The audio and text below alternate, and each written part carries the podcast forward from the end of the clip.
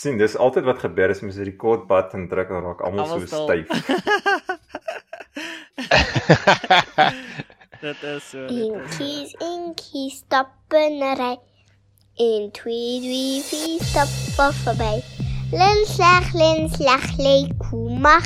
Lag hy dan koe kwak, kwak, kwak. Ja, ja, ja, dis skei. Magalies is hier. Die Magalies is hier. Die Magalies is hier.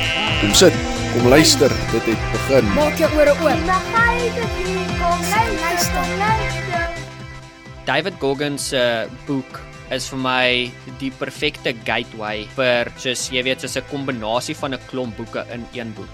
Jy kry nie net 'n storie nie, jy kry 'n autobiografie. Ja. Dis 'n nice kombinasie. Ja, jy kry 'n uh, uh, inspirasie, jy kry motivering, jy kry dalk 'n paar idees wat in jou kop begin wandel.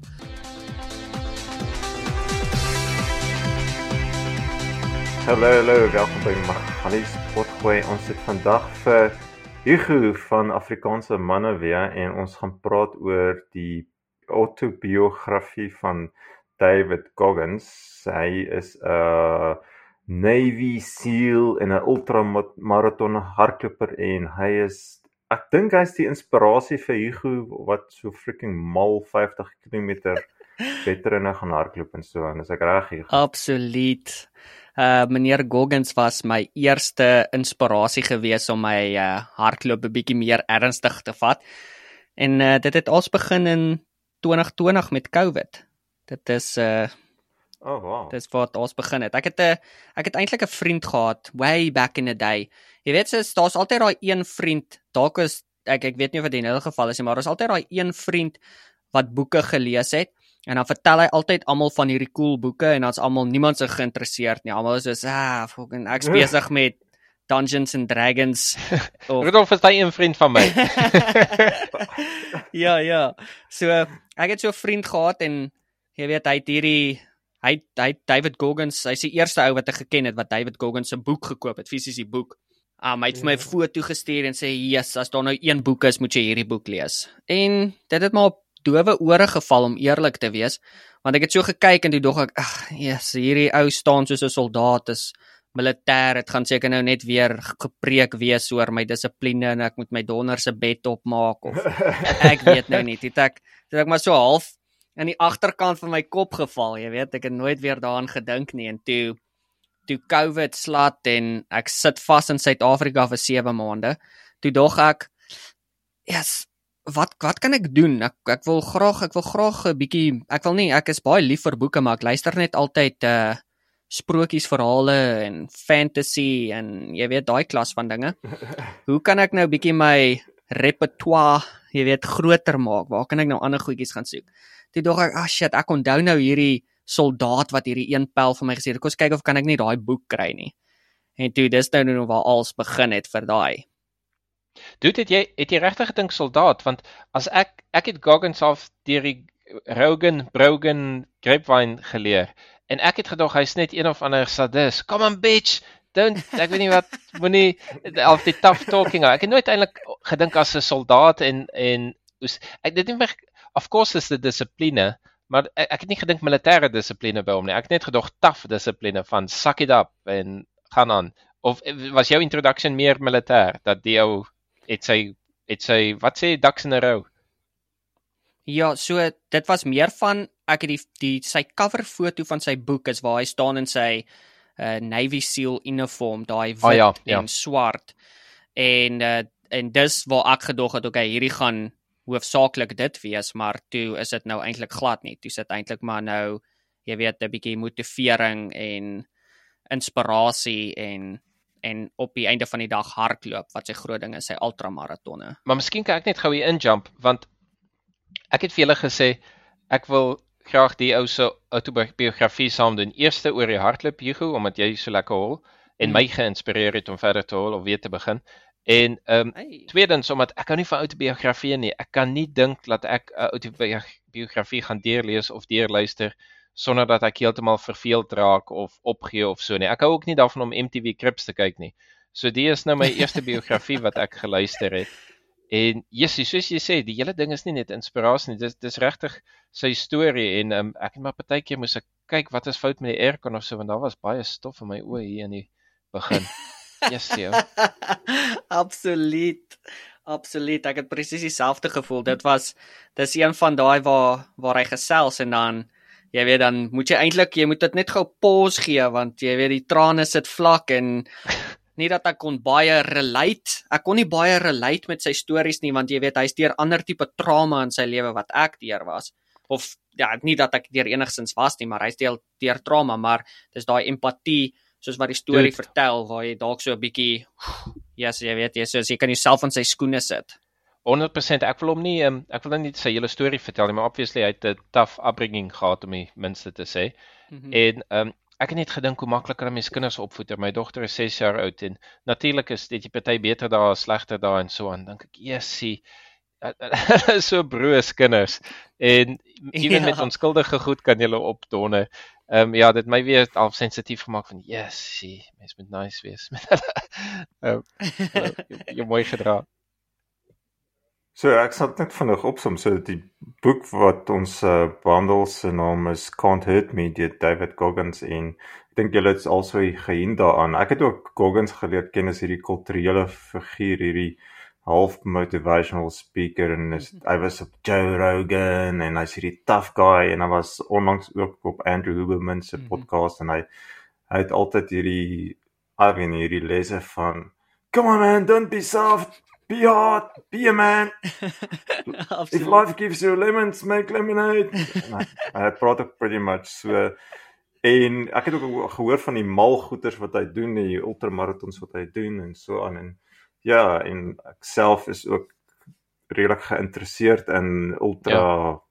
wel, nie in in, in enige endurance tipe mm. -hmm. events en ehm um, ek het een keer die Comrades gedoen en ja, soos wat julle al gehint het, hy het 'n redelike tawwe groot geword. Sy pa was nogal abusive. Hy het hom hy het hom gebliksem. Mhm.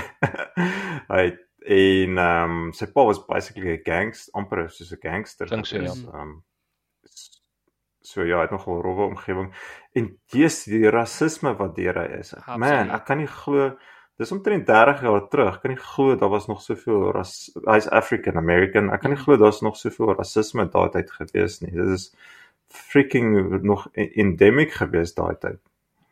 Ek dink ek dink dit is dalk ook waar hy groot, jy weet, groot geword het. Daai daai area mm. was dalk 'n jy weet 'n bietjie meer ek, ek weet nie ook, soos jy weet hy's gebore in die 70s. So dis nie te lank nadat die segregation in Amerika geëindig het nie. So dis nog jy het nog ouers of 'n hele Mm, generasie wat kinders grootmaak met hierdie soort van jy weet wit en swart skeiding en en jy weet dit Mm. ek weet nie dis dalk iets wat plaasgevind het waar waar daai kinders dalk jy weet dis te snaaks hoe jy weet 'n 'n ouer generasie 'n jonger generasie kan motiveer om rassisties te wees sonder Oh, wow. dat hulle deur enige van daai was jy weet soos hulle het niks van daai ge-experience nie Mm. maar deur stories en en opbrengs kan jy dalk 'n 'n generasie bietjie seer of kan jy kan jy definitief uh, mense lei tot en met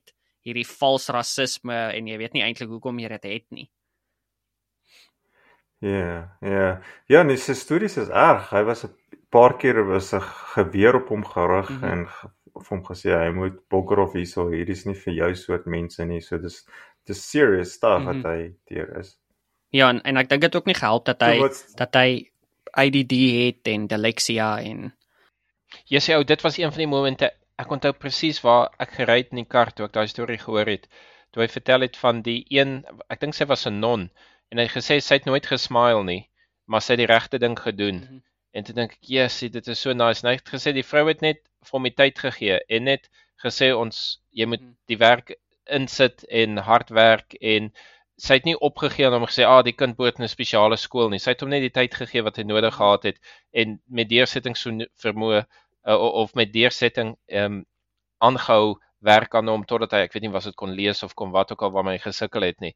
En dit was ook een van daai tra trane trekkers vir my wat dink ja, hoe vinnig hoe vinnig parcel mens iemand af of skryf hulle af of sê eerder as om die moeite te doen om om ek weet nie dinge uit te werk met hulle. En hy hy was so appreciative van die Norse non en sy conclusion was ja ander mense wat so lekker smile en so wat alles.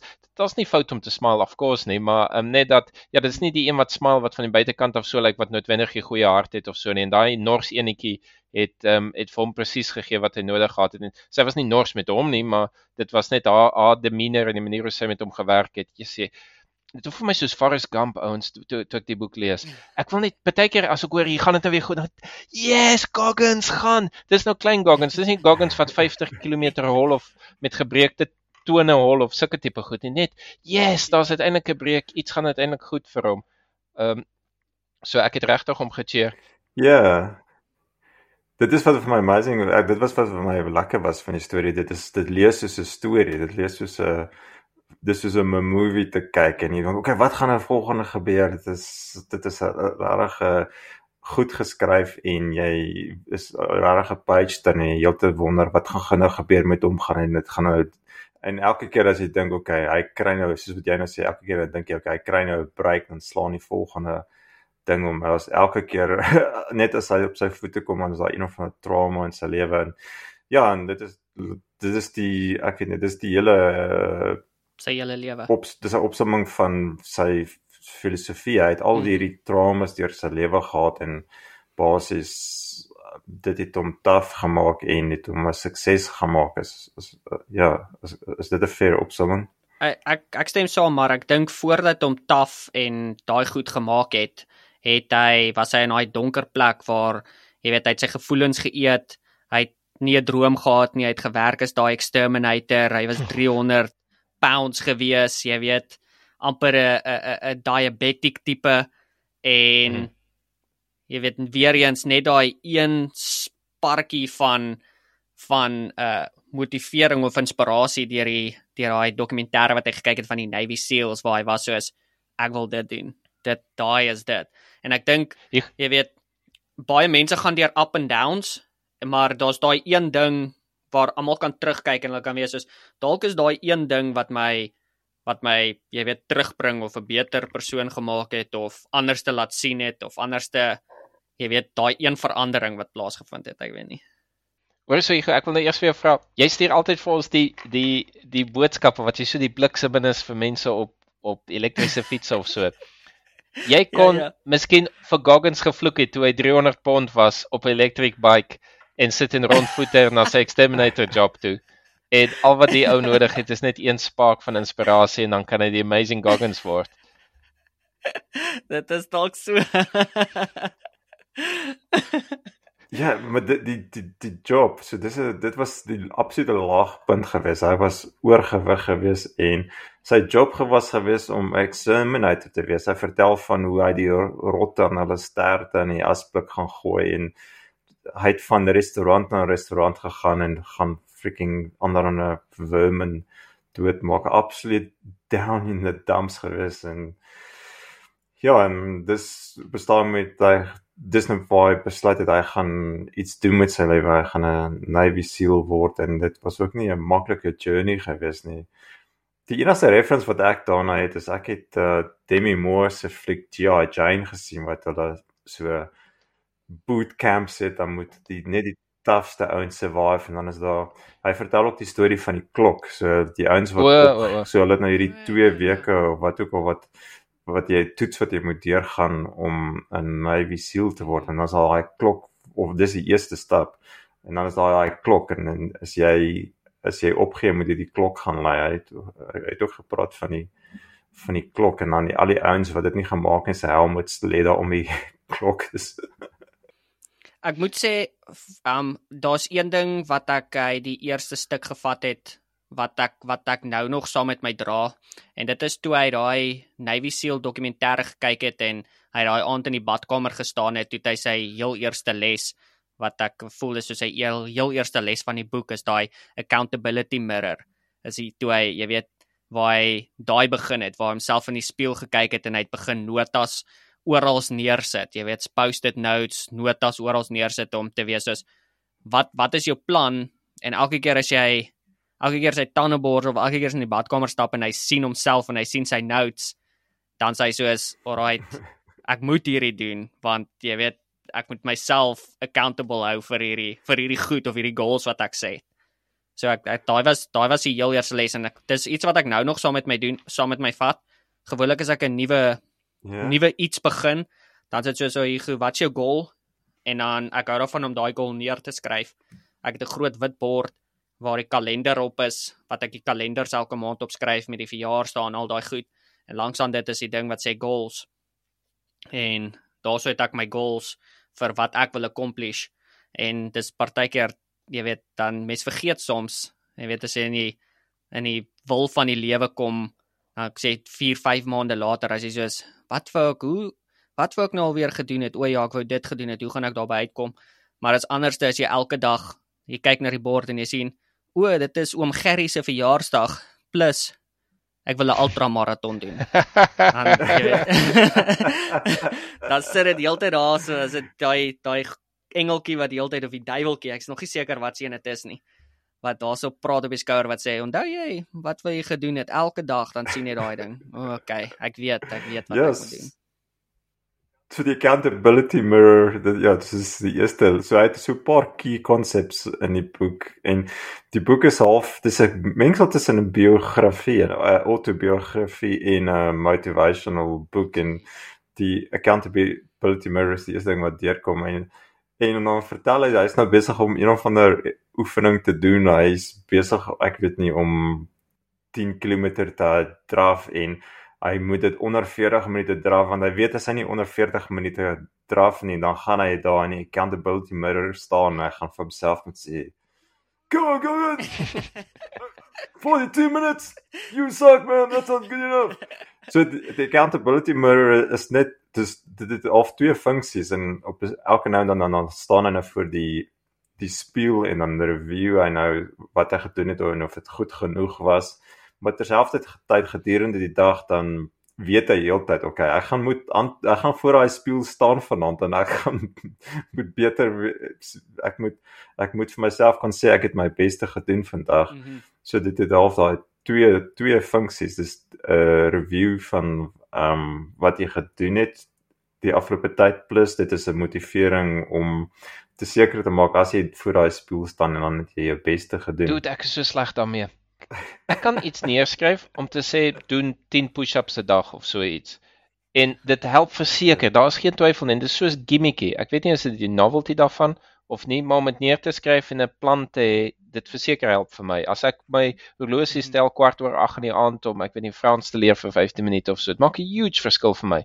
Maar wat ek nie doen nie is ek ek skryf nie die goal neer nie, ek skryf net die task neer. So ek moet iets doen, Mm. maar ek het nie daai gaan terug en kyk het ek die target gereach wat ek wou gehad het. Ek skryf nooit die die mylpaal neer nie. Miskien moet ek dit ook doen en ja, dat jy nou kan skuldig voel. Maar hy het 'n konsep daarvoor Hmm. ook vir die mylpaal as jy mylpaal bereik het. Hy noem dit die cookie jar. Mhm, die Onthou jy die Ja. cookie jar? Ja, ja. So hy sê elke keer as jy een of ander mylpaal bereik het of ek weet nie, jy het jou eerste maraton gehardloop Mhm. en Toe kom ons begin laag. Ek het my bed opgemaak eendag. ja. ja. hy sê jy basies daai accomplishment accomplishment onthou. So eendag as jy nou besig is om jou eerste ultramaraton te hardloop en jy voel regtig sleg dan gaan jy nou in jou goeie memories die cookie Mhm. jar en dan gaan haal jy nou al daai goeders uit en sê ja, onthou jy toe jou eerste maraton gehardloop het en uh, hy gebruik dit as motivering hy, hy gebruik daai goeie herinneringe as motivering om om aan te gaan.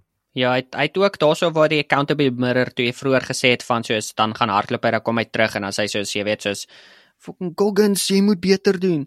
Dit hy daarso en hy het 'n quote daarso en ek gaan die quote lees want ek het hom gehighlight. Dis dit um It's okay to be cruel to yourself as long as you realize you're doing it to become better. Ek dink een ding wat dit is mense is maklik om hard op jouself te wees, om te wees soos jy's jy's kaksleg. Ek kon nie glo jy kon nie 10 push-ups gedoen het of 10 kilos gehardloop het nie. Maar as jy so hard is op jouself, moet is dit moet dit nie vir die verkeerde redes wees. Jy moet wees vir die redes om beter te word. Soos alright. Ja, jy jy het nou nie 10 kilos gehardloop nie, maar jy weet, kom ons doen ekstra 5 pull-ups of ek weet nie of so. jy weet so iets. Ja, hy praat ook van as jy slegte kritiek kry, en jy doen 'n bietjie introspeksie om miskien te sê ja, dis reg en dan dit te gebruik om beter te word. So niks is slegte kritiek en jy jy stop net daar nie. Dit is either van jouself of van eksterne ehm um, sources kry jy dit, acknowledge dit en verbeter daarop. Met met sy struggles het sy seker ook maar geleer elke nou en dan is daar 'n ander faset van sy lewe wat hy wil verbeter of wil fix daar's 'n paar keer in die boek wat hy sê, okay, hy hy kyk terug, hy hy praat oor sy accomplishments en maar dan sal hy sê maar hy het nog steeds nie sy demons geface nie. Daar's ja. sekere obstacles wat hy nog Die cliffhanger vir die volgende vir die volgende hoofstuk is al daar's altyd iets maar hier kom kak. Daar's altyd nog dinge wat kom vir die ou. Hoor ek wou gevra. So so hier jy sê jy het hy het vir jou geïnspireer om jou langafstanding te hol. Het jy geluister terwyl jy hardloop of in voorbereiding? Want dis nou jou tweede tweede rodeo met hom, nie waar nie? Ja, so wat ek gewoonlik of die heel eerste keer toe dit begin het, toe was dit, jy weet, toe sit net elke keer as ek gaan draf, dan luister ek sy boek, maar soos maar soos wat ek maar meeste met meeste audiobooks gedoen het. En hmm. toe het dit op 'n stadium geraak waar dit is soos okay, ek wil ek wil nie net 40 minute luister nie. Ek wil nou 2 ure luister. So dit my forceer om 2 ure te gaan hardloop om dit te, te luister. Dude, dis so awesome. ja, en dis dis waar dit 'n langer rol as jy meer wil hoor. ja, en dis toe waar dit begin het, waar dit is soos okay, soos ek weet in die boek praat hy van sy challenge. Die 4x4 by 48. Um in hierdie in hierdie challenge is dit jy hardloop 4 myl elke 4 ure vir 48 ure wat dan gebeur is dan hardloop jy 48 myl in 48 ure. Soos ek sê, daar was gedurende gedurende COVID gewees waar dit gekom het soos okay, ek ek's lus vir my eerste maraton of my eerste ultra. En dalk moet ek Goggins se 4x4 by 48 doen en op dieselfde tyd kan ek dit luister. En okay. ja, so dit was dit was lekker want um hy het my half gedra deur daai heel eerste ultra. Jy weet deur ek het uitgesien om na sy boek te luister maar op dieselfde tyd is dit suffer want die, die eerste dag is fyn, die eerste dag is niks. Dis so, die tweede dag. Vertel my nou eers ek totally uninitiated. 4 by 4 vertel van die wiskunde. Jy doen hoeveel vir ja. hoeveel ja. vir hoe lank? Jy doen 4 myl elke 4 ure vir 48 ure. So okay, kom ons vat dit stadig. 4 myl is omtrent so 6 km. 6.5. Ja, so 6.5. Ja. Okay. So 6.5 kg. Kom ons met 7 kg elke hoe lank? Elke 4 ure. So sien jy begin 4 uur die oggend, dan sit 8 uur, dan sit 12 uur, dan sit 4 uur en so gaan jy aan. En hoe lank hardloop jy aan so aan 4 myl dan? So ek weet so 35 minute. Also so 35 minute elke 4 ure hardloop jy. Ja. En jy sal verbaas wees hoe dit jou absolute klap gee wat jy nog nooit gesien het in jou lewe nie. Want die eerste een is maklik. die die die draf was elke keer baie maklik. Dis die feit dat jy nie 8 ure slaap in kry of jou normale ah. slaap in kry dat jy dis dis wat jou wat jou meer dis om daai 2 uur die oggend uit die bed uit op te staan en te weet is okay, ek gaan nou gaan draf ja. vir 35 minute. Dan kan ek kom slaap vir jy weet 2 ure oh. of wat ook al, nou moet jy weer opstaan en dit is nie iets wat jy high five met iemand anders jy doen dit jouself of is daar kompetisie? So daar is nou Daar is nou heidaglik het hy hy het groot kompetisies ge, skus, groot kompetisies geïnspireer nou heidaglik. Ja? Maar toe ek dit gedoen het, was dit niks. Daar was niemand nie. Dit was net ek. Dit was ek alleen op 'n plaas vir 48 ure wat En jou vrou het gedink jy's fucking mal. My ma het. Sy sê belly doom nie. Sê jy moet kom jy moet kom help.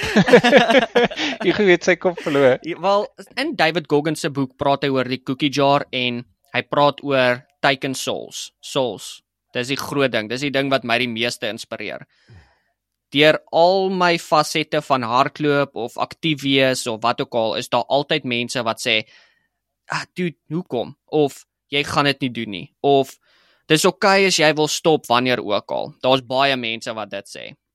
En jy weet eh, ek verstaan partykeer is persoonlike vrees wanneer is 'n groot ding om aan te pak. Maar daai goed is die goed wat my fuel. Dis daai soul staken want dis daai goed wat dan kom jy by jy weet myl 20 of jy weet kilo kilo 40 en jy wil nie meer nie en jy moet gaan en dan is daar daai daar kom daai persoon op wat gesê het, "Hey, dis oukei okay om te stop."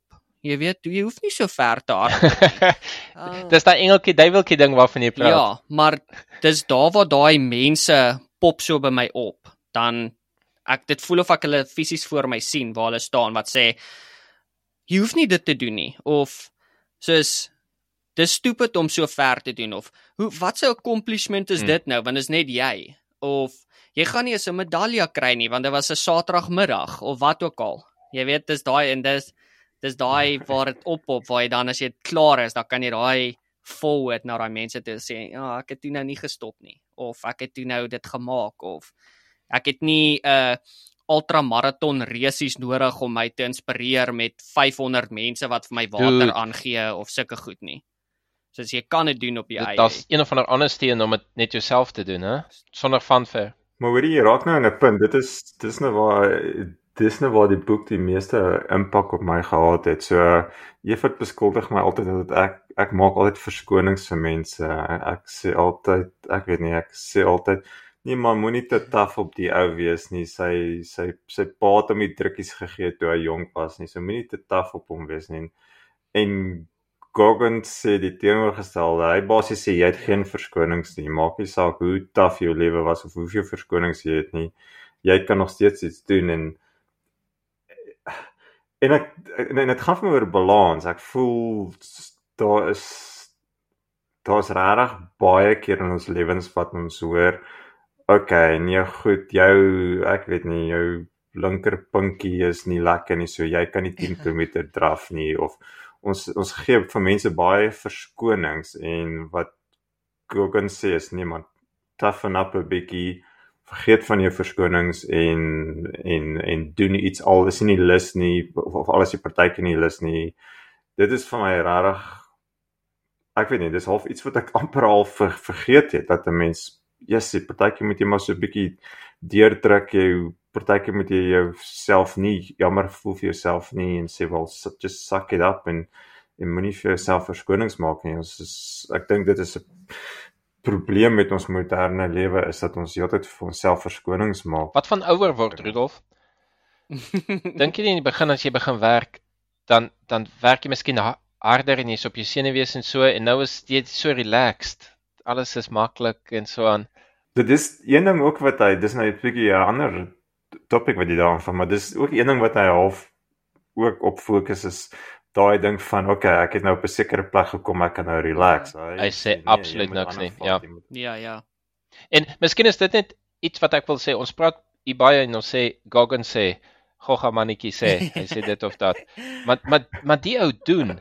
Die ou is is nie soos en hy vertel vir jou 'n ultra te hardloop nie. Mhm. Hy hardloop een dan vrees ek vir sy lewe in die boek omdat ek die ou like en dink my jou niere gaan dit nie maak of jou Ja. lewer gaan ek weet nie watter orgaan gaan die ou letterlik hol en dan dink ek maar as ek dit moet doen sal ek vir 2 maande, 3 maande, 5 maande niks kan doen daarna nie. Hy absoluut Absoluut. vir, vir hom is dit baie meer mind over body as net jou body moet nou maar net die werk gaan. Hy's absoluut nee, as jy stompies oor het vir voete dan al jy al jy nog steeds. Dis half asof hy Ja. daai tipe van zombie mentaliteit het van solank as wat my bene kan beweeg, dit maak nie saak of daar nog vel onder my voete is of vleis onder my tussen my hakskeen en my ek weet nie wat nie, ek kan nou nie met die biologie opkom nie, maar die ou maak homself seer in die proses om sy goed te achieve en dis vir hom essensieel om dit te doen. En hy sê almal hoef hulle self nie so ver te push nie, maar vir hom is dit absoluut ehm um, hoe ver kan jy met jou mind jouself push? Jy's nog nie dood nie, so hoekom hoekom hardloop jy nie verder nie? dis, dis nie van o, jy's nou naar nie. Nee. Ehm dit maar ek, ek- ek weet dis een ding waar ek ook nie 100% en en hy's hy- ek wil nou nie 'n spoiler op sy tweede boek vir julle gee nie, maar dis in die tweede boek reflekteer hy baie oor sy eerste boek en besluite daaroor is O, ja. waar jy weet hy sê een van die dinge is moenie doen wat hy gedoen het nie in die aspek van ja, hy sê dit. moenie moenie 100 myl gaan hardloop jy weet en jy het nog nooit voorberei daarvoor nie want Dude, how about that? How about that? Hy het dit letterlik kan ons net gou vinnig daar pause. Hoe the fuck? Ja, Julle ja, het ja. ek het nog nooit in my lewe so ver gehol nie. So vertel vir my, julle met al julle beplanning en julle julle hipster broodjies en drankies wat julle saam met julle dra, hoe te donder het hy dit gedoen? Uh, ja. So dit was sy eerste was sy dit was 100 myl geweest as ek reg en dit was sy eerste een. Hy het nog nooit in sy lewe ultra enige ultra En dit het soos 4 dae voor die tyd besluit hy gaan dit doen. Ja, ja. En die aand voor die tyd het hy gaan gym, een van sy Ja, ou ja. Navy SEAL het hom O ja ja ja. there for a gym en hy het en toe het hy homself moer vir die gym ook en hy het nie geweet van nutrition nie, hy het nie geweet jy Kan julle onthou wat het hy geëet? Hy gepraat van Ritz koekies of iets? Op basis Ja. het nie toe gehad waarvan hy gedoen het nie. Ja, dan het al die ander ouens het hulle fancy goed daar en ja. Ja. Maar die ou leer nie. Hy het dieselfde met die fiets gedoen. Ja. Oh man.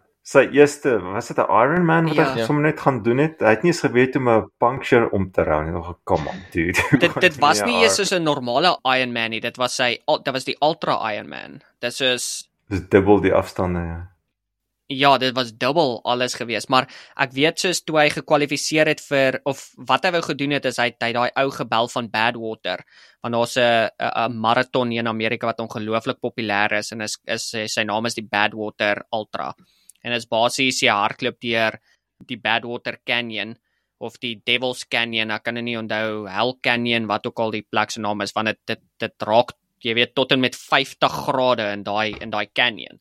So daar is net 'n sekere hoeveelheid mense wat kwalifiseer om daai ding te gaan hardloop en die ou wat daai ding aanbied, hy soos jy moet kan bewys hoekom jy daai ding kan jy kan dit kan hardloop. En Goggins was soos wel wat van ek hardloop my heel eerste 100 myl, ek het dit nog nooit gedoen nie. En toe sê hy soos okay en toe dit was oorspronklik was dit nie 'n 100 myl reis nie. Dit was 'n 24 hour reis, so vir 24 uur. Hmm. En toe die ding wat vir my snaaks was was toe daai toe hy daai ou en sê, "Boom, ek het 'n 100 myl gehardloop daarso." En toe sê hy soos, "Ja, maar dit was 'n 24 uur reis en jy het net 20 ure gehardloop. Wat van die ander 4 ure?" Ah ja ja ja. Snarky. ja, ja, dis dit soos okay en om terug te kom na na dit toe, soos hy hy praat baie in die boek van soos moenie doen wat hy gedoen het nie want soos ja, hy het 'n 100 myl gehardloop, maar hy was vir maande maande soos uitgewees waar hy soos nie kon gehardloop nie, sy le sy lewer wat ingegee het soos hoe hy hoe hy opgegooi het en daar was net bloed en jy weet soos hy praat daaroor ook soos jy weet uh, die ding wat hy wat hy gesê wat bietjie contradicting is die quote is we don't rise to our level of expectations we fall to our level of training. Behalwe in Goggins se geval. Hy het 'n manier om deur daai level of training wat hy gehad het deur te druk en te aan en aan te hou om dit te doen. Wat dalk is dit iets wat wat hy wou gedoen het maar dis nie iets recommended nie. Dis dalk uh, om in die agterkant van jou kop te hou. Ja. Ja, daar daar's definitief 'n wanbalans daarso en en ek meen hy het met sy seal attempts het hy sy knie heeltemal opgedonder want ten spyte van sy knie feit dat sy knie besig is om in te gee, het hy net aangaan aan te aangaan en ek en ek, ek selfs aan die einde van die eerste boek sê hy okay miskien mens moet 'n mens bietjie meer strategies wees en jy moet bietjie slimmer wees oor hierdie goeters. Hy hy, ek dink hy erken self dat hy nie altyd die slimste ding gedoen het nie. Vir hom het dit gegaan. Dit en dis een van die ander konsepte wat hy noem dit callousing your mind. Ja. Om eelte op jou gees te kry. So jy dit gaan vir hom daaroor om hierdie half goeders wat so mentally baie van jou vra as jy nie meer kan gaan nie dan gaan jy aan en aan en aan en Maar daai ek daai met- suffering Ekskuus, selfs ek met my kort afstand hardloop kan sê dat ek kan agterkom in die hardloop. Dit gaan absoluut oor om nie te paniek as jy 'n signal kry van jou regter toon af nie. Dan dink jy ja, ek is gewoond daaraan. Hy raak altyd seer op op 5 of op 500 meter. en en as jy gewoond is daaraan, dan kan jy dit vat. Rudolf, jy het self vertel van hoe jy wat was dit met fietsry wat jy gesê het jy het gehardloop Ja. En toe kom jy met die fietsry agter toe jy nou regtig depre was met fietsry dat jy moeg is. Ek kom jy agter, "Ag, oh, my rug pla my nou en so aan en so aan." En toe kom jy agter en en jy het al gevoel jy wil ophou. Toe kom jy agter, o nee, maar hoe jou rug nou voel is hoe jou bene altyd voel as jy hol en jy's gewoond daaraan. Dis net die rug, het jy nou nog nie diep diepe pyn gevoel vir 'n lang ruk nie en nou nou knaag dit aan jou. Dit knaag aan jou en dis soos 'n ou maatjie wat jou moer. Sy slaan nie hard nie, maar die ou maatjie hou net aan en aan en aan soos water wat op die kop drup. En dan eventually wil jy opgee. Maar meantime in ander fasette is jy miskien daaraan gewoond en vir hom is dit om jou brein te kry daar, nie as jou lyf nie, om jou brein te kry Mhm. op ehm um, ja, ons is nou al hierdeur. Ja. Ons het al daai suffering. Dis alweer daai cookie jar. Ons het Mhm. nou al laas keer het ons geleer, ja, as my ek weet nie, as my vinger af is, kan ek nog iets doen of as my knie nie meer werk of aan die ander kant toe buig, kan ek nog iets doen of so aan. En dis net vir motivering vir elke volgende stap of ja, ek was al in diep waters. Dit is maar net nog diep waters, die nuwe diep waters. Ja, ja, so die hele idee is is daai eelte op die op die mind te hê, so jy weet, ja, ek, ek is towers hier, ek kan hierdie vat en en ek moet sê ek het die Comrades freaking 20 jaar terug gedoen of wat ook al. Ek wou nou net gevra het, vertel my 'n bietjie van hoe daai experience was. Wat vir my interessant was na die tyd, na die Comrades. skip daar nou baie bladsye Rudolf. Wat sê jy? Jy skep nou baie bladsye in jou biografie na die tyd in die comrades. Vertel my van gedurende of vertel van die begin, hoe pie jy jouself nie sopnat of puke of iets voor die reis nie. Nee, jy's excited. Dis 'n moes Ja. atmosfeer. Dit is ek meen en jy oefen maande en maande vir Comrades en dit is absoluut en jy het nou al 60 km ge, uh, runs gedoen vir die tyd te voorbereiding en 'n hele paar maratons en Hoe ver is die comrades? 90 verskil van jaar tot jaar. Um die een wat ek gehardloop het was was 90 geweest. En het jy opdrand Ehm, gehol of afdrand? Ek het die af een gedoen. Ehm um, ja, nee, dit was dis moeilik. Ek weet nie, jy's moeilik in die eerste helfte van die Comrades was dit was vir my moeilike van gewees. Dis die na die helfte toe ek begin suffer. Ehm um, toe ek regtig swaar gekry. Maar wat wat ek wou vertel is vir jare daarna, dit is soos 'n alles is Mickey Mouse. Alles in vergelyking met die Comrades is Mickey Mouse. Jy's soos 'n ek weet nie, dit dit regtig maak jou tawer. Maar en ek dink dit maak jou fisies tawer ook. Dit ek weet nie, dis een of ander ding wat net inskop wat al, alles na die Comrades vir my Mickey Mouse was. Hoe oud was jy toe jy dit gedoen het, Rudolf? Ek dink dit was 26 gewees of so. Redelik jonk. En so so jy sê daarna kon jy ek weet nie, sonder oefening iets moeiliks aanpak if you will. Ja, ek het een keer het ek 'n halfmaraton gaan doen sonder enige oefening. Ehm En jy dink dit het meer met mental te doen, laat jy nie jou bene nie was nie noodwendig great nie, maar meer jy, jy kon dit handle. ek wonder of jy nie dit fisies jou ook verander nie. Ek sou weet gedog het dit maar fisies ja. breek jou, maar nie in Goggins geval nie. So miskien dink ek mense is softies. Ek dink ek stem saam met Rudolf. Ek kan onthou die heel heel eerste keer toe ek begin draf het. Toe was dit uh 2 myl wat wat wat ook al dit is 4 kilos. Weet e of uh, 3.6 kilos, 3.8 kilos. Heel eerste keer toe dog ek, "Yes, okay, well done, boetjie. Jy weet jy het dit gedoen." En dan kyk ek toe toe ek begin kyk, dan sien jy, okay, hierdie ou het al 'n 5 kilo gedoen en hierdie ou doen 10 kilo konstant en dan sê jy soos, "Yes, ek weet nie, 10 kilo." Yes, dis wyd. Ek twyfel of ek ooit dit gaan doen. Ek ek's fine met net 5 kilos. Ek's fine met net 5 kilos. En dan so een oggend dan word jy wakker en dan dink jy, "Hel, ek voel vandag fucking great. Dalk kom ek gaan try 'n 10 kilo. Kom ek try dit net." En dan as jy daar terugkom dan dink jy, jy weet, nooit weer. Ek wil ek weet nie of ek weer so ver wil gaan draf nie.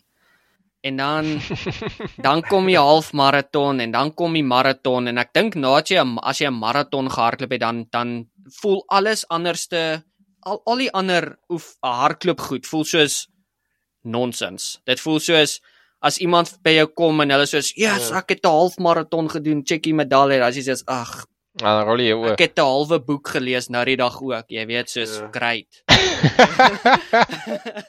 um, dit is dan na die maraton dan doen jy 'n ultra en dan dan kyk jy dan sê soos alright maraton is nie so taaf nie jy weet ek kan ek kan bietjie minder oefen soos wat ek geoefen het en ek sal nog steeds enetjie kan doen en ek dink hoe verder jy gaan hoe meer kry jy daai idee van dit wat ek gedink het ek kan doen is eintlik baie verder en dit lei my Ja. perfek in David se Ja. 40% rule in en ek voel uh daai 40% Vertel 'n bietjie. so uh, David Goggins het mos of in die boek het hy daai reël die 40% rule waar hy sê jy gewoonlik op 40% meeste mense tap uit maar dan het jy nog 60% van potensiaal oor so meeste mense jy weet sal sal daai 40% achieve en dan jy weet daar's dis waar hulle stop dis waar jy waar jy is is okay Ja, alle klaar. veilig voel. Ja. Maar dis wanneer jy verby dit druk in die hardloop of jy weet in die geval jy hardloop verder waar jy beg, begin besef soos Jesus, toe ek al eerste keer 'n 10 kg gehardloop het. Daai was soos 2%. Dit was nie eers 'n 100% nie of dit was nie en maar op daai stadium het dit gevoel. Ja. So en ek ek dink soos dis die groot ding. Mense kyk na hierdie lang afstande en daai tipe goed en jy soos hoe dit dis dis so intimiderend want dit is so ver dat hoe begin jy eers om so iets aan te pak? Maar dit ja, ek dink meeste ding wat mense ook moet besef is jy gaan nie David Goggins se boek luister en jy gaan 'n 100 myl hardloop op jou eerste hardloop sessie nie. No no chance. So jy weet uh, daar's ook expectations met daai. Maar daar's ook 'n positiewe manier om te sê wat jy nou net gesê het is is mense sal sê hoe kan jy die kommers doen? Dit is insane. Dit is 90 km is jy mal. Dit is impossible. Maar jy trek nie net eendag jy gaan koop nie winkel toe en koop tekkies en gaan hardloop 90 km en jy begin met 2 km en en van 2 km gaan jy na 10 km toe en dit is stelselmatig kom jy daar uit. Dit is dit is bietjie vir bietjie raak jy al hoe beter en beter en 90 km klink soos die impossible maar jy begin by 2 km en 10 km voel soos impossible en jy kom by 10 km uit en dan kom jy by 'n halfmaraton uit en voor jy hoe uitvee as jy by 90 km. So dis is dis dit is nie so groot berg om uit te klim as mens regtig dink nie as jy net dit stelselmatig doen, maar terug op die 4060. Ja, dit is ek ek dink die punchline daarvan is meeste of mense jy kan jouself op die skouer klop nadat jy 5 km gedraf het, maar jy het actually potensiaal om 'n halfmaraton te draf. Hy sê luister jy basies jy onderskat jou potensiaal. Was was julle twee nie 'n bietjie depressief toe julle nou klaar julle eerste ultras klaar gedoen het? Ek dink dit o, oh, fuck, nou het ek niks meer persoonlike tyd oor nie want van nou af gaan ek want dit is maklik om vir 5 km te oefen. Jy mhm. al gou vir 'n halfuur dan s'jy klaar. Dink jy, "Ah, blikse, nou gaan elke rand van my 2 ure moet wees om enigiets uit my uit te kry." Jy kan sien daai void raak net groter van Ek weet nie was Rudolf se oefening gewees nie, maar ek het al gehoor my approach vir hardloop was is 'n bietjie anderste. So in my normale oefen vir 'n ultra, ek sal 6 keer 'n week hardloop en dit sal tussen 3 en 6 myl wees. Meeste van die tyd 4 of 5. Wat? En dan sal ek een keer 'n maand 'n groot hardloop hê waar jy soos ek gaan hardloop vir 4 ure ek weet nie. My ding was of hoe dit altyd vir my gevoel het is soos jy's op 'n stadium as jy net fiks. Jy's net jy's net hardloop fiks. Jou liggaam weet hoe om te beweeg. Dis meer van soos hoe gaan ek my kop deur hierdie volgende uur of 2 ure of 3 ure kry? Waar dit meer van 'n ding soos ek het nooit in 'n maraton of ek het nog of althans dalk my heel eerste maraton, maar alles na dit, nadat jy daai eerste keer dit gedoen het, alles na dit dan sê soos dan voel dit altyd ek was nog nooit moeg na dit nie waar ek fisies is soos ek, ek kry multsteek of my bene is nou regtig gaar of ek kan net nie meer nie. Um dit was meer soos in my brein wat is soos ag dude soos koot net. Jy is nou dag dit is fyn. Dis jy hoef nou nie verder nie. En ek ek weet nie, dis dis my approach gewees van hardloop nog altyd is soos ek hou daarvan om soos my kort afstande goed te doen een keer 'n maand gaan doen ek 'n lang afstand en dan die res van die tyd is net soos om my brein op daai plek te hou waar dit is soos jy kan. Soos dit dis hierdie dit is niks. Soos jy kan deur dit druk. Jou voete is regtig nie so seer nie. En dan dan nutrition. Dit was my grootste ding. Toe ek uitfigure, toe ek begin uitfigure presies soos wat om te eet op watter tyd toe is dit soos 'n total game changer. Want toe dit verander soos ek kry nie meer maagpyn krampe want ek is honger nie en my kuite kramp nie meer op nie want ek het genoeg sout of jy weet soos ek hou daai balans. Mm. So ek weet nie, toe dit alles begin uitfigure, dan sit net 'n mental ding. Dan sit net van soos druk deur, maar ek weet nie Rudolf, dalk was jou oefening anderste. en vir jou Hugo is dit is dit 'n solo pursuit, reg? Jou beide jou oefening en jou hardloop of probeer jy chommies maak as jy as jy al my oefentyd is my tyd. Dis nie my tyd wat ek wil socialize ah. nie. So ek ja, is maar nog altyd genoem. maar net dit dok kom baie kere 'n plek dat jy sê ja, yes, ek wens ek het 'n buddy gehad wat ek mee saam kan gaan hardloop. Maar jy weet, dan is dit ook dis is 'n heeltemal 'n ander ding dan. Dit is, jy weet, mense is op verskillende plekke in hulle lewe, hulle oefen vir verskillende goed. As jy nie iemand ontmoet wat op presies dieselfde plek is, wat presies dieselfde ding oefen of 100%. dan is dit moeilik om daai koneksie te kry. Dan is dit moeilik om daai ek Hmm. glo as jy 'n buddy het wat is soos as jy 'n vriend het en julle albei soos fok, ons wil begin draf en ons wil 'n maraton hardloop, gaan dit die gaan dit die die suffering soveel verminder want dan sien jy daai pel wat vir jou kan sê, "Fucking kom ons gaan." Jy weet, jy het nie daai nodig om dit vir Ja. jouself te sê nie. En uh, ja, ek weet nie. Okay. Dis alweer ja, dis waar Okay. Goggins inkom om om hard met jouself te praat en ek ek wou genoem het dit dit voel vir my hoekom ek dink sy motivering werk is omdat dit al van ek weet nie 3 of 4 verskillende angles afkom. Daar's die wie is daai Tony wie ook al motivering tipe ding. So jy jy kan sê dis dis net motivering, dis die een aspek. Dan is daar die ander aspek van hy het dit actually gedoen. Die ou wat met jou praat is nie omdat hy 'n cool idee het van hoe motiveer jy jouself nie. Die ou het dit self gedoen. So daar's 'n bietjie van Ja, hy het, hy het actual prestasies. Jy kan gaan kyk op Wikipedia. Hy het uh Ironmans gewen. Hy het op staan die world champ uh Guinness World Record vir pu- hoeveelheid pull-ups Mm. gedoen. Ehm um, so hy's die real deal. Hy's nie net 'n 'n bankrot ou wat vir jou wat nou ryk word deur mense finansiële Ja. advies te gee nie. en ek ek dink ook hy ek, ek dink hy laat jou toe om ultramaraton te hardloop nie, maar hy gee vir jou die ek sal nie sê tools nie, maar die motivering om te achieve wat jy graag wil achieve en vir jou te sê of sodat jy vir jouself kan sê suck it up en ek kan verder gaan of so. Ehm um, so ja, ek ek dink dit is meer as net 'n 'n one trick pony tipe motivering wat jy daar ken. After all is dit 'n autobiografie aan die einde van die dag. Mhm. So jy het sy storie gehoor en jy hoor okay, hy het dit gedoen en so hy hy hy gee vir jou af tips soos wat jy praat van die mirror en die Mhm. en die accountability mirror en ehm um, die 40% en al daai goed. Ehm um, so ja, ek dink dis vir ek dink is goed vir motivering of om jou dinge in rad te kry met enige iets. Ehm um, om daarna te luister. En Nog iets wat ek wou sê. Julle het Ja. almal na die audioboek geluister. Ja.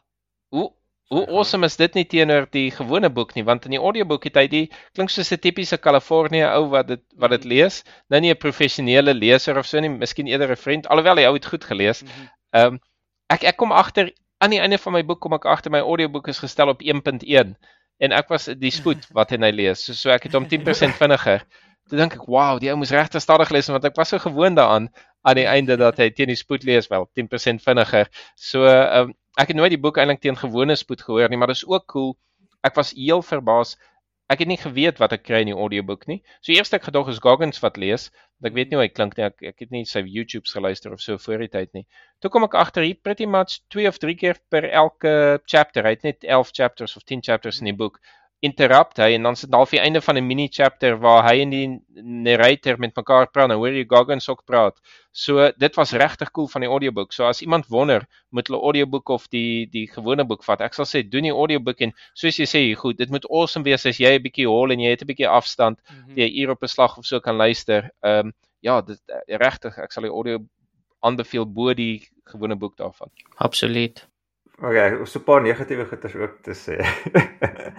so een van die dit is vir my was dit half baie corny, baie van sy goeters. Ja. Hy hy hou van Rocky movie. Hy daai sien waar Rocky teen die trappe ophardloop en dan gooi hy sy arms in die lug. Dis vir hom die coolste en die Rocky musiek motiveer hom so, en so eh, eh, so dit is wat was regtig half daai corny baie keer aan luister en ek ag, come on Goggins, jy moenie dis nou 'n bietjie jy oordoen dit nou so 'n bietjie en en hy's regtig die manier hoe hy praat. Ek is come on you can do it, be tough, be tough.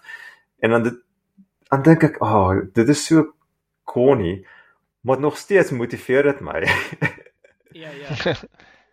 maar ek dink dit sal party mense irriteer. Ek dink vir party mense sal dit so bietjie te corny wees, want dit is half regtig soos daai scene in Rocky waar hy teen die trappe uit hardloop en dit die musiek wat speel, die Eye of the Tiger, dis regtig so bietjie oordoen. Ehm um, maar vir my is dis ek by by deur dit en dit is en ek moet erken op 'n einde van dag was was dit baie motiverend vir my al het ek gedink dis corny. Wel ek sal sê verseker hier 2000 in die boek, dan weet ek nou nie meer by watter reis is ons en so nie. So ek het 'n bietjie lost geraak dan sy eerste stint om 'n om 'n Navy SEAL te word was absoluut remarkable en dit voel vir my ewen as die boek daar gestop het mm -hmm. sou ek nog steeds sê dis amazing value wat jy daar kry. Ek het een keer 'n uh, 'n Navy SEAL ontmoet, 'n ex Navy SEAL by die werk. En dit was na sy missions en uit gewerk half saam met ons.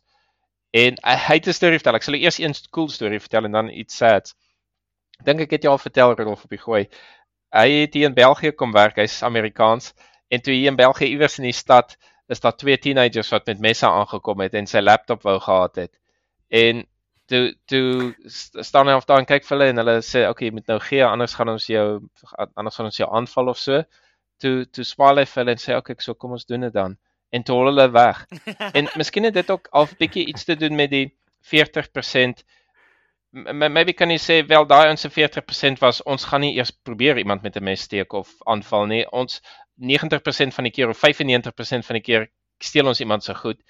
En nie omdat hy braaf was nie, hy was 100% okay daarmee want as jy luister na Goggins en die goed, twee dudes met 'n mes is nie vir jou die scariest ding op aarde nie.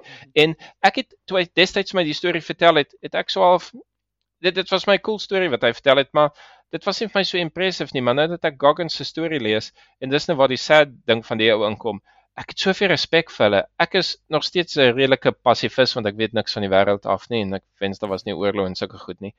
Maar as ek dink aan die ou wat hy het ook soos Goggins sê Roger, Roger yes of so iets. Hy het so so frase, yes Roger. Roger, Roger that, that Roger that. En ehm um, ek het al die ou by die werk gepraat en dan sal iemand hom half 'n sal hy sê ek sal nie sê hom uittrap nie, maar vir hom orders gee. Dan is dit die ronde vet mannetjies of so wat hy met een kung fu hou kan moer toe slaan of so. En dan sal hy vir hom sê yes sir. Dan dink ek blikskottel jy het nou net hier 'n ex navy seal dat hy half sy knie buig vir jou en hy kan jou omblaas met sy asem of iets as hy wil. Dit voel vir my half so unfair dat sulke absolute heroes wat hulle lewe hulle doen dit op die einde van die dag navy seal gaan iewers gedeploy word om om maracas te maak en fire te vang en onder vuur te wees en so aan. Dit was my alsat om te die ou werk nou hier iewers in 'n warehouse en ander mannetjies wat nie helfte kan doen wat hy doen nie, order hom rond en so aan. Ja, ek weet nie. Dit aan die einde van die dag voel dit vir my daar's tipe van 'n testosteron honesty daarin van nee, die sterkste gorilla moet die moet die baas wees. en en dit is absoluut daarteen as die arme ouens terugkom van Navy Seal af en dit voel vir my ek wil vir die oue e-mail stuur of iets en sê yes you ek salute you of iets. Ja ja. Ehm um, salute is verkeerde woord. Ehm um, maar ja. Uh Goggins laat my appreciate dat daar is ander tipe mense op die planeet mm. en hulle dis as gevolg van hulle dat ek kan bekostig om sê o ek ek wil graag 'n passivist wees of ek dink nie daar moet oorlog wees nie omdat die bliksems absoluut alles daar insit en as twee knapies met messe kom sê hulle ja okay kom ons doen kom ons kyk wie wie wie vrek vanaand. Dis dis net ja dis net daai mentaliteit van iemand moet wag staan iemand moet mhm. die wêreld uitsort en ja ek spreek om daai een te wees. Wow ek eh, ek eh, ek wil ook so net so een ding sê just ek dink een ding van die boek wat Goggins goed gedoen het is jy weet tussendeur al die motivering en inspirasie en al daai gee. Want dis belangrik baie keer mense begin 'n projek of hulle begin 'n aktiwiteit of enigiets wat hulle in hulle lewe doen want hulle word geïnspireer deur iemand anderste of partykeer deur hulle self. In die geval, jy weet, is ons geïnspireer deur Goggins se boek. Maar inspirasie, soos wat in die boek ook sê, inspirasie is 'n baie kort ding. Jy weet, dit's maklik om hm. geïnspireerd te wees en dan oor 'n hm. maand dan sê so, "Ah, fuck for Goggins. Ek gaan aangaan met my ek gaan aangaan met my normale goed." So dis met my TV games. Ja, uh, so dit was lekker. As as jy as jy as jy voor jou speeltjie staan en ja. ja, ja, so dit was lekker toe hy ook in die boek dit geherken het om deur te sê soos ja, jy weet jy gaan hierdie boek luister en jy gaan geïnspireerd wees, ja. maar luister, dit is nie die punt van die boek nie. Die punt van die boek is om Dis die honeymoon. Is om ja, is om daai inspirasie te vat en verander in dissipline. Sodat jy want dissipline op die einde van die dag is die ding wat gaan key wees tot jou sukses. Die inspirasie is om jou voor te berei vir jou dissipline. Mm. En jou dissipline is wat jy gaan moet hou vir die res van jou tyd mm. tot jy jou goal gaan achieve. En dis baie baie moeiliker. Ons praat van 'n hele ander ball game. Dis maklik om jy weet skoene aan te trek en 5 kg te gaan hardloop is 'n ander ding om jou skoene aan te trek en vir die volgende jaar elke dag 5 kg te gaan hardloop. En uh, Dude. en dis een ding, maar Elke keer as ek weer begin oefening doen, dan dink ek ek ek kan altyd maklik vir mense sê die eet, ag man, wat se kaas is dit? Ja. Dis vir die res van jou lewe wat jy dit moet doen. Totdat ek moet begin pull-ups hier doen en dink, okay, is ek nou regtig bereid om vir die res van my lewe elke dag pull-ups te doen? ja. Ja, dis 'n bitterpil om te sluk. En dan die een ding wat Maar ek soos jy sê, daar's die een ding wat ek wil sê wat negatief vir my was oor hele boek is um hy hy het baie accomplishments in sy lewe. Jy weet, dis 'n groot eer en is 'n groot um achievement om uh, 100 kilos te gaan hardloop of 100 myl te gaan hardloop of jy weet 'n uh, ultra triathlon te kan klaarmaak in 10 ure.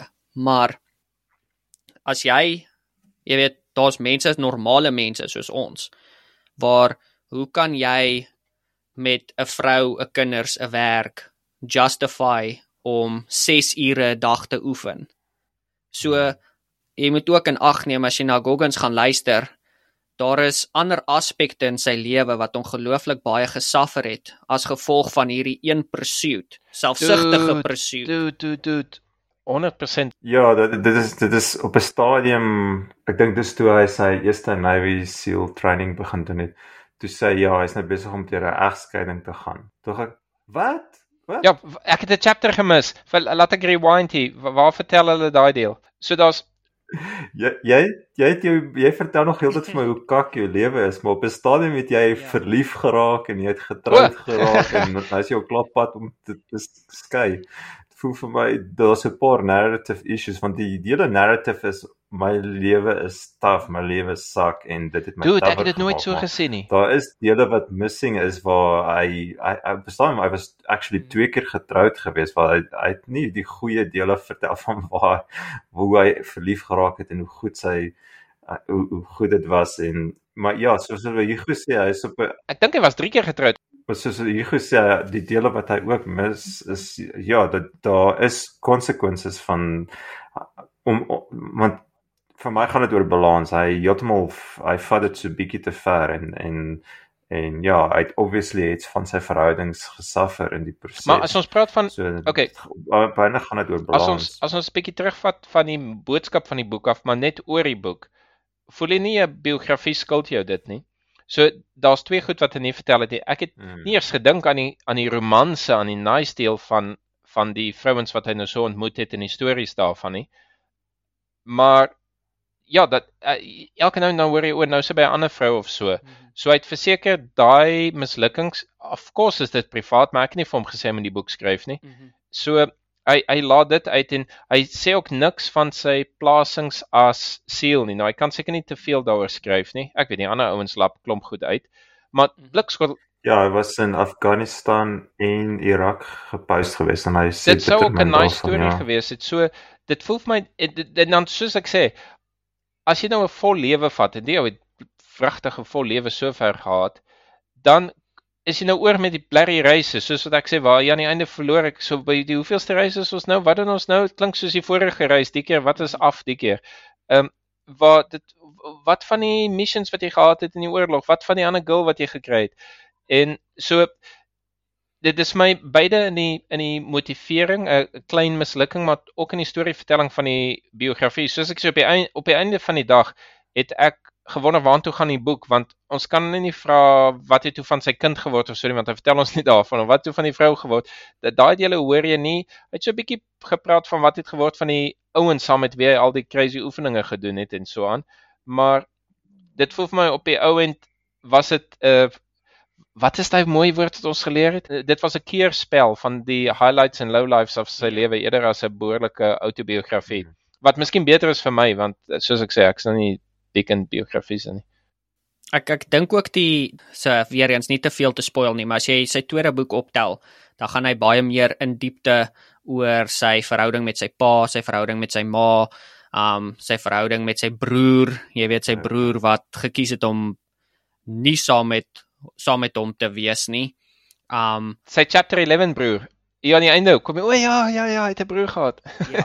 So hy hy raak baie meer aan daai goed wat jy wat jy wou gehoor het, maar ek dink eerder die Hmm. groot ding wat ook ingekom het soos die heel dis hy toe hy die boek geskryf het die heel eerste keer was was dit jy weet wa, wat wat waar skryf jy waar gaan mense geïnteresseerd wees want gaan mense geïnteresseerd wees oor hierdie motivering van my 100 myle en my achievements en al daai goed of gaan hulle meer geïnteresseerd wees in al hierdie um verhoudings wat my geskep het of gevorm ja. het en ek dink hy hy moes 'n keuse gemaak het daar, jy weet, nou dat almal weet wie David Hmm. Goggins is en wie sy achievements is, nou Ja, nou mense gaan meer belangstel. Ja, nou gaan mense wees soos okay, vertel my meer oor jou persoonlike lewe. En dis waar hy in die in boek 2 'n bietjie meer daaraan geraak het. So as jy okay. iemand is wat wat jy weet eh, eh, boek 1 gaan luister vir inspirasie absoluut, maar boek 2 is meer van is meer gefokus op 'n uh, 'n biografie oor sy lewe. Is waar hy meer in diepte Oh, oh, gaan okay. oor oor al daai verskillende mense waar jy wonder. Het hulle dieselfde oor die boek lees? Ja, Ek selfde. moet seker sy naam ook geweet het. Ja. Ah, Okay. Wat is die tweede boek se naam? Um never finished. Okay, ek wil gou-gou iets anders 'n spin vir julle opsit. Ons het op 'n stadium 'n episode oor stoicism gedoen. Ja. En ek het nou net hierso 'n lys van 10 aspekte van stoicism. I mean dis dis nou baie vir eenvoudig, maar 10 10 punte vir oor stoicism. So, nommer 1 is focus on what you can control. Nommer 2, take action. Be virtuous, lead by example, diminish your ego. You're not entitled to anything. Exercise your will. Practice resilience when faced with obstacles, failures, or tra- tragedy. Choose your choose your response. Be grateful. Klink dit nie soos uh Goggins ja. se boodskap Baie. paar van Goggins het iewers gesê as ek nou kan quote sonder om aanhalingstekens te gebruik. Praat hy iewers van hy het gehou daarvan dat in een van die ranger classes of iets wat hy gekom het, treat hulle almal as worms. Jy het, jy het geen rang nie. So so niemand gee om waar jy vandaan af kom nie. 'n Troepie wat vars is kan 'n ou wat 'n Navy SEAL is rondchant of so aan want jy hou nie jou rang nie. En hy sê is absoluut mal daaroor. Ja. En toe dink ek daaraan, ek dink altyd by die werk, gee my 3 maande of so dat mense kan sien hoe ek is of so en dan sal ek begin kry dat hoe sal ek sê dat mense my support of so. Ek maak nie noodwendig die beste indruk of so nie. Waar Goggins absoluut thrive of gooi my in saam met enige iemand nie nie as 'n social challenge nie, maar dit is nie van jy jy het dit alles nou vir jou mooi gemaklik gemaak en nou enjoy jy dit nie. Hy sê nee, ek sal my value wys in uh, uh, wat sê mens unanimously sonder dat my naam daarin geheg is of so van dag 1 af sal ek probeer beter wees, harder werk, alles taffer wees as as enige ander ou en ek dink dit was nogal cool.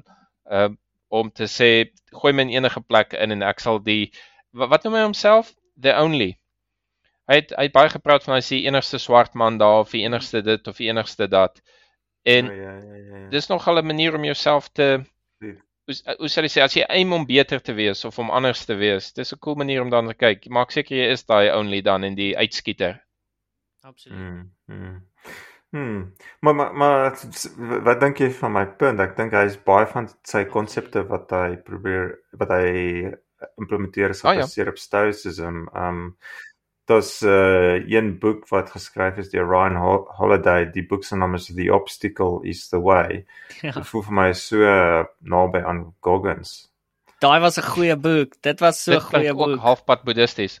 Ja, ja, ja. Het jy dit gelees? Uh, en ek dink hy het twee geskryf. Dit was nie net The Obstacle Oh, wow. in Your Way nie, daar's nog een wat hy geskryf het. Ja, hy het 'n hele paar boeke geskryf. Ja, ja. Uh, ek stem 100% saam. Dit toe ek die heel eerste keer Goggins se geluister het want ek het The Obstacle in my in in my way voor dit geluister. Toe was ek soos yes, hierdie het Okay. dit's baie jy weet jy kan baie van dieselfde boodskappe en dis ek weet nie dalk sit 'n militêre ding in daai opsigte waar dit deurgekom het.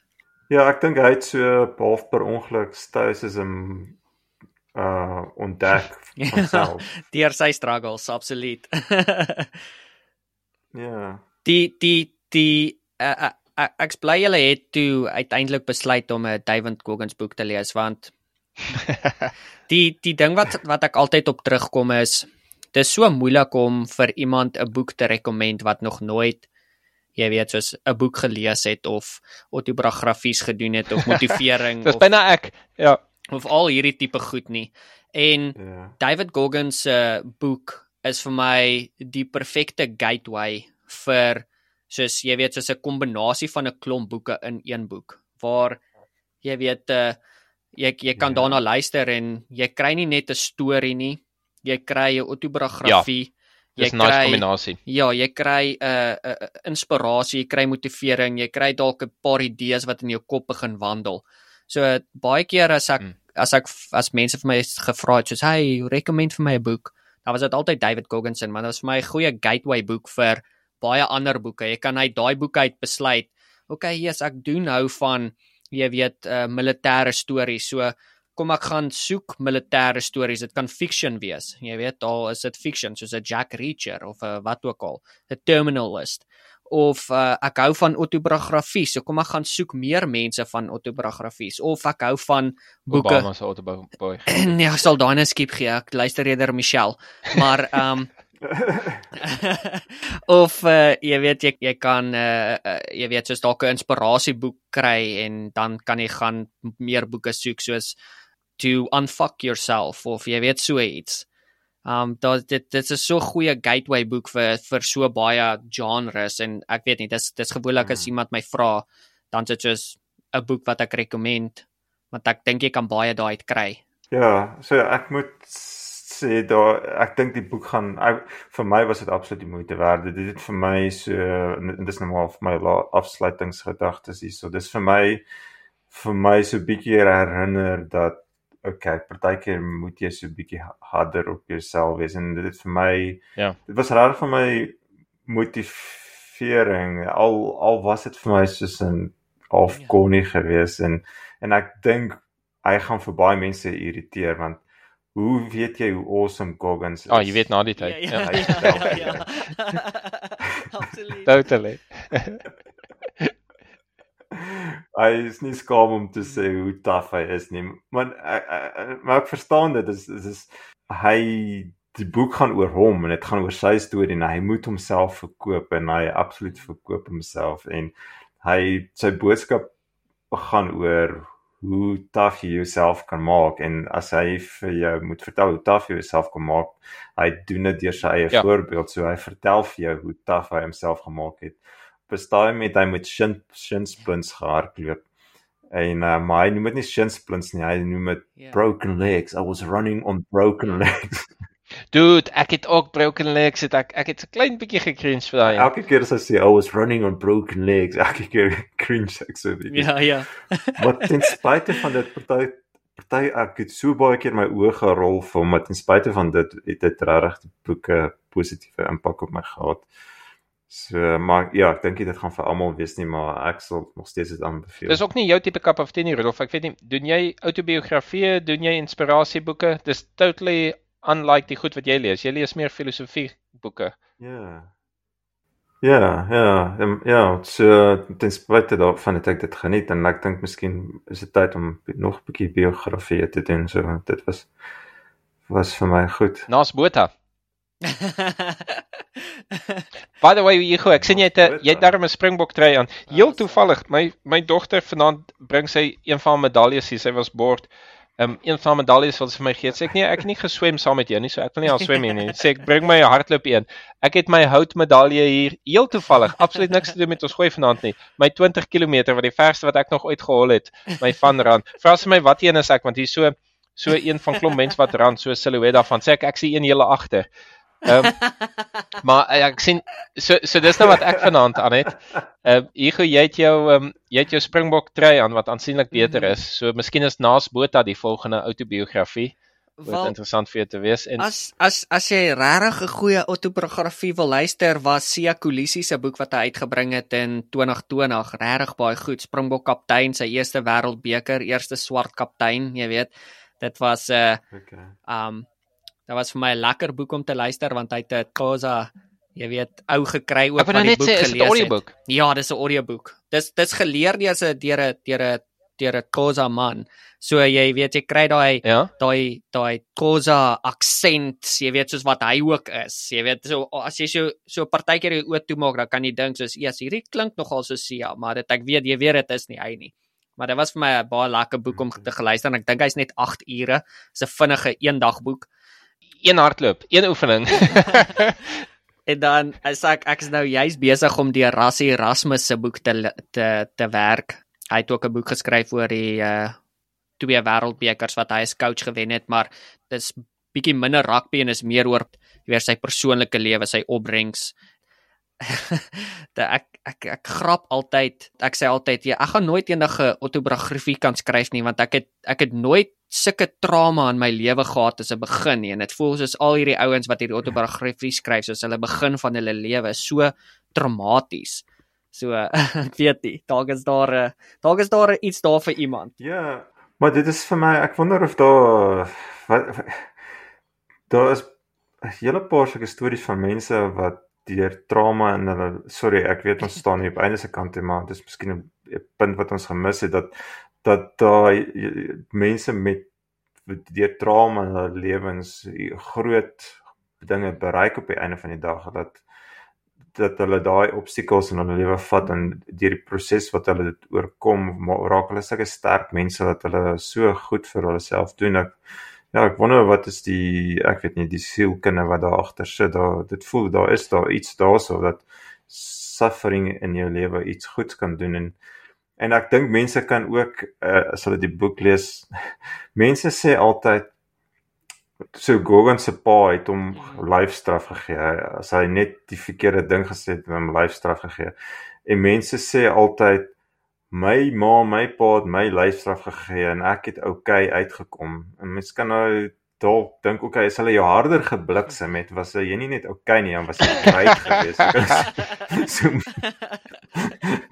Mens kan so maklik die verkeerde les totally verkeerde les ja, uitsoek en ek en ek dink dis half ook die dis net 'n ander topik oor die die, die probleem wat ek het met lyfstraf is is ons het groot geword met lyfstraf en ja ons het okay uitgekom maar en maar, maar op 'n manier ek weet nie is dit omdat jy daai trauma moes oorkom het dit jou 'n sterker mens gemaak maar ons nog steeds vir hom is eerder daai trauma vermy ek, mm -hmm, ek absoluut denk, Ek stem saam. Dink jy kan miskien sê as jy 'n goeie huis uitkom, is jy 80% kans om goed uit te draai. As jy een of ander mm. trauma het en chaos, is jy 90% likely om kak uit te draai en die 10% gaan awesome awesome wees. So jy ja, ja. dit is risk and reward tipe ja, ding sal ek raai. Ek dink ook as ek hier kyk in ja, België, jy sien toe my dogter 6 was, toe moes hulle gaan kamp het vir 'n week. Ek het gedink dis frikke malligheid. Hulle moes vir 'n week saam in die skool gaan kamp het. 6 jaar oud. Ek dink toe ons in veldskool was vir die eerste keer het ons dit gedoen toe ons 13 was, Rudolf. Ehm um, maar ek kom ook agter hier, hulle is anders met die kinders. Halloween, daar is bloed en wat sê mens chainsaws en wat al spooke disgusting geraamtes en staf soos 'n gruwel horror vir die kinders. En hulle gee nie om nie. Kinders kan dit lees. Eh, België is ook die land van cartoons en comics mhm. waar ek dink jy kan 'n tit links of regs sien in 'n cartoon en 'n freaking monster en geweld en violence en so on so die kinders word nie veel beskerm in daai tipe goed nie. Maar as ek kyk na die Belgiese jong mense wat by ons werk 25 30 Hulle is fyn en ek dink almal is fyn. So ek dink lyfstraf gewys sal ek sê as almal dit doen, dink ek nie dit hoef trauma te wees nie. Ons ons rol maar net daarmee. Ek dink daar's 'n moerse verskil tussen lyfstraf en die ding wat sy pa gedoen het. Mm -hmm. En daar's 'n moerse verskil as geen van jou kinders van jou maatjies gebliksem word nie en jy kry pak sla. Ek ek dink dit natuurlik kan dit vir 'n kind bad wees, maar ek dink nie wat ons as lyfstraf gehad het Rudolf, ek weet nie van jou nie.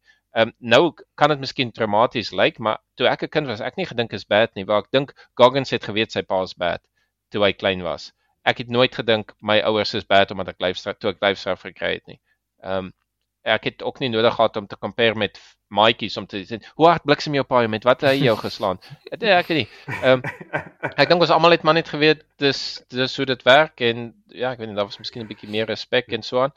Ek dink Jessie, sal ek dit sê? Ek dink daar's 'n verskil tussen mans en vrouens wat geweld aanbetref mans weet dat as jy beta is en daar's 'n alfa, maak jy nie jou bek oop nie want daar is konsekwensies. Mhm. Ek het eh, jy hoef nie gemoer te word of in die gesig geslaan te word. Jy kan teen die tyd wat jy 5 is al uitfigure die sterker seentjie gaan jou rol of iets of gaan die karretjie by jou vat as jy dit nie vir hom wil gee. Jy weet sulke tipe goed.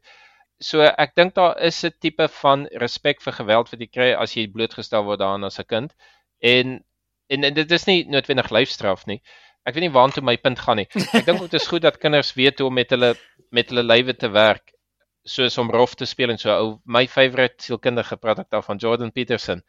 So ja, ek ek en en dis al wat ek wil sê, lyfstraf is nie is nie simmetries nie. Dis nie of jy jou pa kan terugstraf nie, Mhm. maar ten minste het jy een of ander respek vir een of ander vorm van fisiese ding en as jy nie dit gaan hê nie, moet daar 'n ander plaasvervanger wees om weer respek te leer vir die fisiese wat ook al dit is. Anders gaan jy eendag miskien iets stupid sê en hard geklap word en nie kan verstaan hoekom gebeur dit nie. Ek ek dink ook daar is levels. Soos jy figure uit, alright, ek kan met alles tot en met hier wegkom voordat ek gemoer word. Ek weet nie, dit dit is ook dit was soos 'n goeie Ja. aanduig aanduiging oor die lewe. Is soos alright, ek kan die en die en die en die doen en dit gaan minor consequences veroorsaak, maar as ek hierdie en meer doen, ja, dan gaan daai pak slaap brand. So ek Dit weet is so interessant. Ek wonder ek wonder is dit waar my bestuur vandaan kom. Ek weet nie van julle nie, maar dit voel vir my oor die algemeen probeer ek nie as pres reëls breek nie, maar as dit kom by as dit kom by spoed speed limits. Dis die ou, dit is verseker daai ding van hoe ver kan ek dit push totdat totdat die konsekwensies te erg gaan raak. Ja, ja. En en dis nie van gevaarlik ry nie, dis meer van okay, as ek so 5 oor is, ek dink nie hulle sal my vang nie. Of miskien as ek 10 oor is op die snelweg, ek dink nie hier's plekke waar hulle jou vang hier's nie. So, maar dis regtig daai game. Ek weet nie hoekom spandeer ek so baie van my energie aan te calculate en op die einde van die dag spaar jy 'n paar sekondes, maar Ja. ek kan net nie op die spoedgrens ry nie. Dit voel vir my nie ek skuld my lewe iets sodat ek vinniger daar uitkom of ja, ek weet nie. Ja, ek hoor.